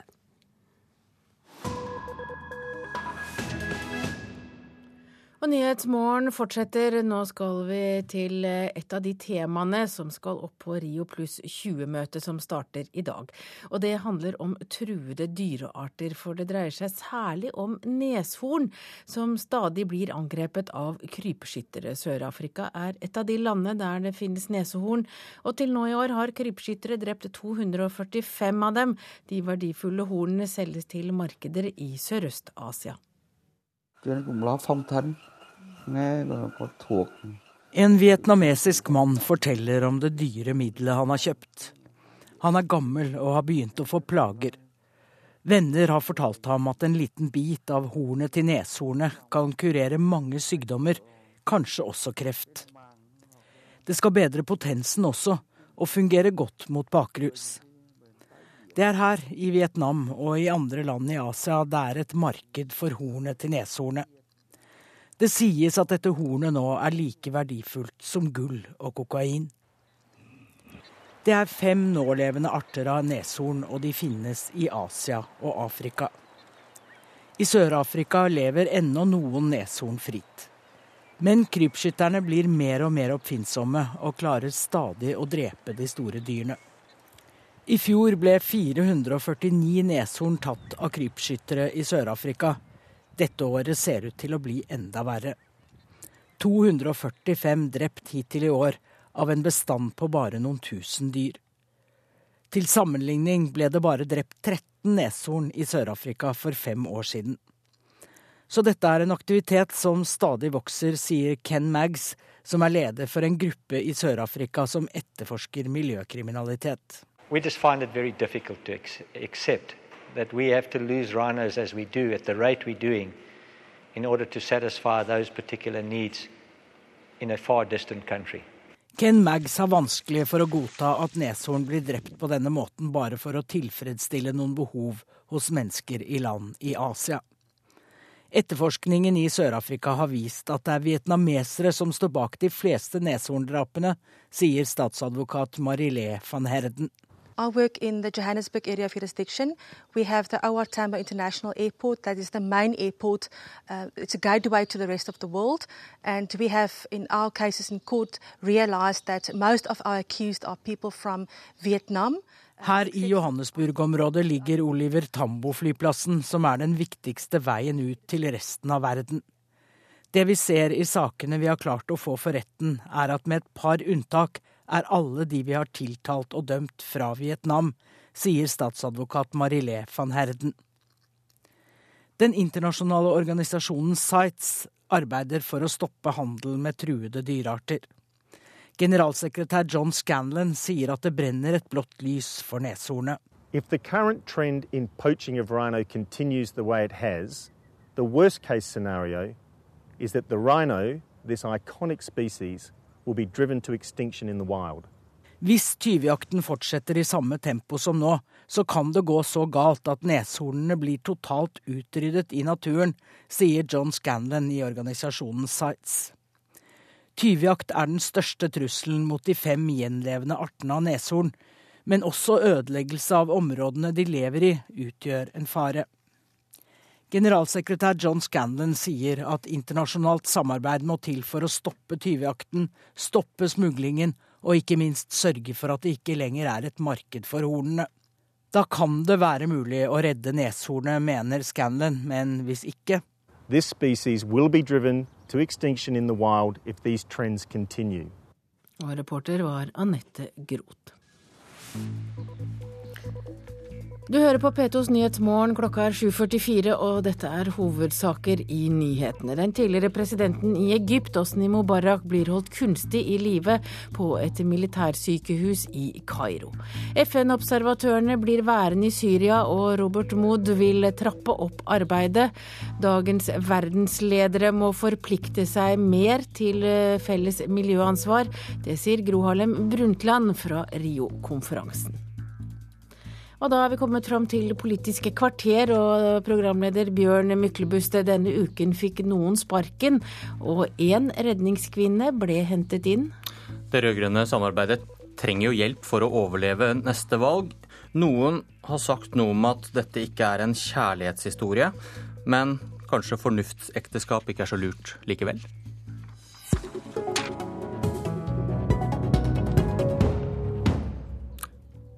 Fornuft ikke kjærlighet. Det var en gang dine ord, Liv Signe Navarsete, leder i Senterpartiet.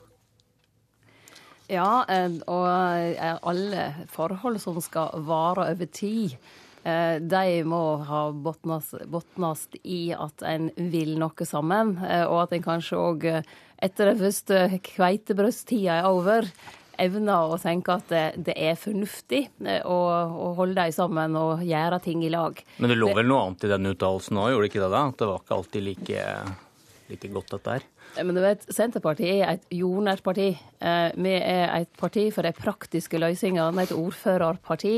Det speiler oss helt til topps.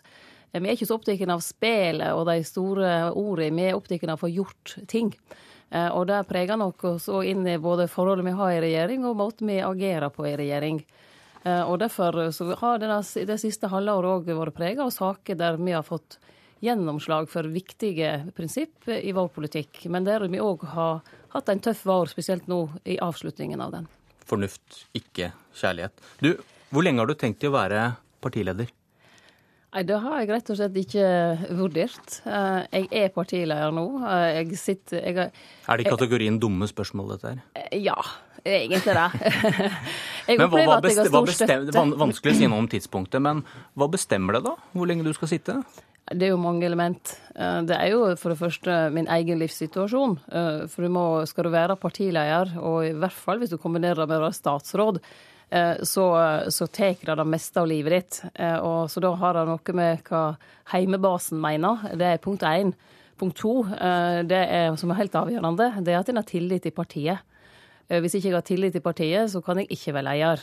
Så det å fornemme hvordan partiet måtte tenke om lederskapet, er jo særdeles viktig for, for en partileder. Jeg legger merke til at du har tatt punkt én og to, men du har ikke kommet til velgerne ennå? Jo, men partilederen eh, den, den blir valgt av landsmøtet. Så kan velgerne selvfølgelig si at eh, partiet ønsker en ikke, og så kan partilederen velge å ta konsekvensen av det. Det er vel ofte det som skjer, er det ikke det da? Nei, i Senterpartiet har ikke det vært det vanlige. Vi har hatt uh, skifte som har skjedd fordi at folk har ønska å gjøre noe annet i livet. Og det kan jo hende jeg vil på et tidspunkt òg. Du, svekker det din stilling at det spørres om hvem som står klar når du en gang skal gi det? Nei, det er nå media sin rolle. For du er veldig rask med å avvise det? Ja, for det er ikke et spørsmål akkurat nå. Eh, det kan bli spørsmål på et tidspunkt. og Da blir det helt sikkert på et tidspunkt. Men er det, ikke en, er det ikke en sunn debatt, da? Jo, jeg mener at alle ledere skal tåle å bli evaluert. Alle ledere skal tåle at eh, folk stiller spørsmålstegn ved lederskapet. Og så er det den viktigste jobben for en leder, det er å syte for at det er et underskog av gode lederemner som kan ta over. Det er jeg opptatt av at det skal være, og det mener jeg at det er i Senterpartiet. Har du vært redd for Marit Arnstad? Nei, jeg har aldri vært redd for Marit Arnstad. Jeg har vært heldig eh, å ha et godt forhold til Marit. Jeg har snakka ofte med Marit i den tiden hun ikke har vært politisk aktiv på riksplan. Og jeg har òg snakka med henne om tidspunkt for å eventuelt komme tilbake til, til regjering, og det er jeg som har henta henne inn slik sett. Hun hadde ikke blitt henta inn av Jens hvis ikke jeg hadde ønska at hun skulle komme det, inn, for å si det sånn. Det skjønner vi, men har du spurt henne tidligere? Nei, Hva samtale jeg og Marit har hatt tidligere, det syns jeg skal være mellom henne og meg. Men du har sikkert også hørt dette snakket, da, at hun ikke har vært aktuell fordi man kanskje er redd for å ha en større stjerne enn partilederen inne, men Det er nå bare tull. Det er jo bare rør. Uh, og jeg har aldri hørt den diskusjonen. Er det så rart, da? Hun har vært en opplagt lederkandidat, kanskje før din tid også, og skulle ta inn henne i det rød-grønne prosjektet. Det hadde vel vært grunnlag for spekulasjoner hvis målingene ikke går din vei? Ja, I så fall skulle jeg ikke tatt henne nå. For nå går ikke målingene min vei. Så da men nå trengte du henne? Nei, men dette, dette, er bare tøys. Marit har valgt eh, familien framfor politikken en periode. Eh, og det skal hun ikke diskvalifiseres for. Jeg har stor respekt for det. Men hun vet at det du sier nå, antyder nå, ikke er sant. Og så er ikke det så nøye for meg hva du måtte mene om det ellers, men hun vet at det er ikke riktig. Jeg mener ingenting. Vi tar det i kategorien for dumme spørsmål. Her kommer rett til. Eh, kanskje Arnstad kan ses på som et svar på Ola Borten Moes posisjon som kronprins? Nei, men hjelp oss. Eh, jeg, jeg, skjønner ikke hva de får det fra. Jeg, jeg, må nesten, jeg vet ikke om jeg skal le eller gråte. Du har altså, også lest dette i avisen, har du ja, ikke det? Ja, ja, men du vet, eh, i motsetning til deg så leser jeg det og legger det bort. For det, det blir en del av det som står i avisen som blir for dumt. Men jeg er opptatt av å bygge partiet. Jeg er opptatt av de beste personene i mm. regjering, i storting. Jeg er opptatt av å få Senterpartiet sine saker på dagsorden, og det gjør vi gjennom å ha dyktige folk. Jeg lover deg, vi skal, vi skal, komme til det også. Men du har selv sagt at du og Borten Moe kommer fra ulike tradisjoner i Senterpartiet. Det er dine egne ord. Eh, hvor vil du plassere Arnstad? Nei, Jeg har bestemt meg for én ting, at jeg skal ikke plassere noen i noen leir eller kategori. Og det jeg jobber intenst med hver eneste dag, det er å bygge laget. Eh, og det faktisk opplever jeg at det lukkes med nå. Vi har nå sterkt lag i Stortinget, vi har et sterkt regjeringslag. Og vi står sammen om det som er viktig for oss, nemlig at Senterpartiet skal gjøre et godt valg neste år, og at regjeringen samla sett skal gjøre et godt valg, slik at vi kan fortsette i den rød-grønne regjeringen. Vi har klare målsettinger, vi har lagt strategien, vi har valgt hovedsaker, og vi har personene som skal leie oss i valgkampen, de er nå på plass. Og det er viktig for meg. Hvorfor fikk eh, Lars Peder Brekk sparken som landbruksminister? Eh, Lars Peder fikk ikke sparken. Han har sittet i fire år. Eh, han har gjort veldig mye bra for norsk landbruk. Han vil ikke gå selv? Han har lagt fram en landbruksmelding som har fått gehør både i næringa og utafor. Eh, og Lars Peder han går tilbake til jobben som parlamentarisk leder i Stortinget. Det er en viktig jobb for oss, og den kommer han til å gjøre på en utmerka måte. Han har sagt at han ikke gikk frivillig, og da får han vel sparken? Det kan ja, du vel innrømme? Det er jo alltid en leder sitt og en leding sitt ansvar uh, å se på hvordan en plasserer folk best. Og vi tenkte nå og mente at det var riktig å fornye mannskapet. Det har òg vært signalisert tidligere. Det er ikke noe som ble bestemt uh, over natta. Så det, og det mener jeg var riktig. Uh, og vi har nå fått mannskapet på plass som skal leie oss inn til et godt valgresultat. Både storting og regjering. Du sier det ikke hadde noe med jordbruksoppgjøret å gjøre, men var det en hyggelig bieffekt at den bøndene var så sint på, forsvant? Bøndene og alle andre vet at eh, det er jeg og partiet, sammen med resten av regjeringen, som er ansvarlig for jordbruksoppgjøret. Det skal ikke henges på Lars Peder Brekk. Det blir jo ofte gjort... sånn, da. Jo, slik blir det ofte, men det er ganske urettferdig. For hvis det er noen som har kjempa for eh, å få bedre vilkår for norsk landbruk, så er det Lars Peder. Han har lagt fram ei god landbruksmelding. Og eh, både han og jeg er lei oss for at jordbruksoppgjøret ble sånn som det ble. Men eh, nå, nå, har vi sett punktum for det. Nå ser vi framover. Det gjelder Peder, og det gjelder alle oss andre i Senterpartiet. Ble Lundteigen straffet for sin kritikk av eget parti ved å flytte han ut av den tunge finanskomiteen? Nei, det er òg helt feil. En hyggelig bieffekt det òg, kanskje? Eh, når Magnhild gikk tilbake til Stortinget, så har hun ganske så lang erfaring og tyngde. Og det er praksis at en da kan velge å gå tilbake til en komité som en ønsker å gå til. Magnhild ønsker å gå til finanskomiteen. Det skjedde i full forståelse med Per Olaf, eh, og han fortsetter i kontroll- og konstitusjonskomiteen og går inn i arbeid og sosial, der han kommer til å gjøre en glitrende jobb med sine kunnskaper. Så det handler jo om at eh, vi i sammen skal utgjøre et sterkt lag. Og få det beste ut av alle personene som, som, er i de ulike posisjonene. Og det er ikke posisjonene som er viktig, det er jobben som skal gjøres som er viktig for partiet. Du skal ha sommerpressekonferanse på Statens vegvesen i dag. og ikke på en gård. Kanskje ikke tilfeldig? Nei, det, ja, det kunne vi godt hatt. For alle vet at Senterpartiet for oss, som er, så er landbruket en av de aller, aller viktigste sakene. Eh, vi har valgt oss tre hovedsaker i, eh, fram til valget, eh, og samferdsel er en av dem. Derfor har vi pressekonferansen på, på, på, på en vei. Og derfor skal vi markere at vi òg videre framover skal løfte samferdsel. Det er òg viktig for norsk landbruk. Hvis det er noen ja. som nyter godt av det, så er det alle folk rundt om i dette landet som nå får bedre veier for å frakte sine varer. Så det er viktig for oss alle. Hvordan vil du i dag beskrive tilbudet som bøndene fikk? Eh, det trenger jeg vel egentlig ikke beskrive, eh, for eh, bøndene sjøl har sagt hva de mente om det. Det var for dårlig. Er du enig i det, da? Det var for dårlig. Men dere har sagt mye forskjellig her. Historisk godt oppgjør til du sitter nå og sier at det var for dårlig? Du har nok ikke hørt at jeg har sagt det var et historisk godt oppgjør? Nei, det var han du ga sparken, der, som sa det. Det som, og Han har òg sagt etterpå at det var kanskje ikke de ordene han burde brukt. Og det tror jeg er riktig. Det var ikke et historisk godt oppgjør. Eh, og, det, og jeg mener at norske bønder, som gjør en fantastisk jobb i å produsere det viktigste vi trenger, nemlig norsk mat, eh, og ikke minst utenfor for at vi har både et kulturlandskap og levende bygder, fortjener å få betalt for den jobben de gjør for fellesskapet.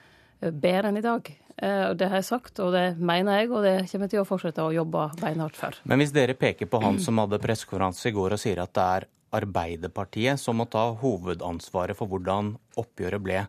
Demonstrerer dere ikke da bare egen avmakt i regjeringen? Senterpartiet har fått stort gjennomslag de sju årene vi har sittet i regjering. Og vi har løfta òg inntektene til norsk landbruk på en helt annen måte enn noe annen regjering har gjort.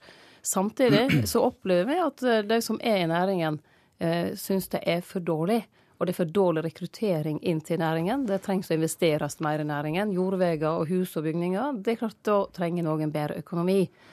Vi skal jobbe med det sammen med SV og Arbeiderpartiet. Og alle tre partier må syte for at vi har et godt forhold til våre kjernevelgere. Det gjelder Arbeiderpartiet sine, det gjelder SV sine, og det gjelder våre kjernevelgere. Og sammen skal vi vinne valget, men det gjør vi ikke uten at folk vil stemme på oss. Når vi ikke har med oss mikrofon, så sier flere i partiet ditt at Senterpartiet må ut av regjering hvis ikke det blir et vesentlig bedre jordbruksoppgjør neste år. Ja, Det er en vurdering som, eh, som, vi må ta for hver eneste dag. Da, eh, om eh, hva vi skal ha slags forhold til både regjering og, og andre, andre, saker. Men jeg er helt overbevist om én ting. Etter å ha sett på jordbruksoppgjøret som har vært de siste 20 årene, at eh, det er ingen annen regjering eh, som eh, ivaretar norsk landbruk på den måten som denne regjeringen gjør. Ei heller sentrumsregjeringa som vi var en del av, greide å løfte landbruket på det samme måte. Så, så slik sett så blir det en litt uh, det, er vanskelig, det er en vanskelig øvelse du driver med, hvor du sier at uh, dette var et dårlig oppgjør, men ingen har gjort mer. Uh, det kan jeg belegge i tall. Ja, men det er en vanskelig øvelse å skulle si begge ting samtidig? Nei. Det syns jeg ikke. Eh, fordi at eh, vi kan legge det at vi ligger ca. en milliard over eh, på jordbruksoppgjøret i forhold til både ren Arbeiderparti-regjering, som har vært negativ, altså minusoppgjør i gjennomsnitt, og Bondevik II, som hadde et lite pluss på gjennomsnitt på sine oppgjør. Så det kan vi jo se historisk på tall. Men når situasjonen er slik, og det får også skapt forventninger etter en landbruksmelding på at det skal bli et, et løft, så opplever vi at næringa sjøl Eh, er så misnøyd at en bryter før forhandlinger. Det er jo alvorlig for oss, eh, spesielt for Senterpartiet, med den historien og den tilknytningen vi har. Men òg for regjeringa, fordi at dette er en del av våre kjernevelgere. Eh, og vi må ha et godt forhold til alle våre kjernevelgere, enten det gjelder LO, eller det gjelder miljørørsla, eller det gjelder landbruket. Så over til Statens vegvesen, der du skal i dag. Du vil finansiere veibygging på en annen måte. Kan du bare kort gjenta hva din hovedtanke er der med å løsne litt på hvordan man budsjetterer her? Det som er viktig for oss, det er å ta opp i oss det som folk ser på eh, rundt om i landet som et problem. Eh, nemlig at eh, selv om vi har løfta nå samferdsla med 10 milliarder årlig i Nasjonal transportplan, så trenger vi fortsatt å bygge ut raskere enn i dag. Kortere planleggingstid, raskere utbygging og raskere gjennomføring. Og Da kan ikke en vente på det årlige budsjettet og være usikker på om vi må stoppe prosjektet fra år til år. Da må vi ha en langsiktighet i det. Vi har ikke knytta oss til en spesiell modell. Men hørte du Stoltenberg i går? Han, han var ikke mye åpen for kreativ bokføring? han, han sa nei. Han sier at en lurer seg sjøl. Og jeg har sagt til Jens at vi lurer oss sjøl i regjering hvis ikke vi gjør noe med dette. For da legger vi veien åpen for høyresida sine ideer. Det kan ikke regjeringen gjøre. Derfor blir det en diskusjon i regjeringen framover. Hvordan vi skal bygge mer effektivt, planlegge mer effektivt, og hvordan vi skal finansiere langsiktig, slik at de prosjektene vi setter i gang, får ei rask gjennomføring. Men blir det, blir det ikke som om Arbeiderpartiet skulle gått for EU-medlemskap og begynne å tukle med Jens sin handlingsregel? det er urealistisk. Nå har ikke jeg tukla med handlingsregelen. Jeg har bare sagt at vi må finne måter å binde opp midler langsiktig, slik at de prosjektene vi starter, skal ha en rask og effektiv gjennomføring. Og jeg er helt sikker på Altså, Hadde du tatt en meningsmåling rundt om i landet i dag, så hadde jeg hatt litt av et flertall bak meg. Atskillig mer enn jeg har på meningsmålingene per i dag. Lykke til, eh, Liv Signe Navarsete. Takk for at du kom til eh, Politisk kvarter. Jeg heter Bjørn Myklebust. Nå kom Hege Holm inn i studio igjen, og da fortsetter straks Nyhetsmorgen. Du har hørt en podkast fra NRK P2.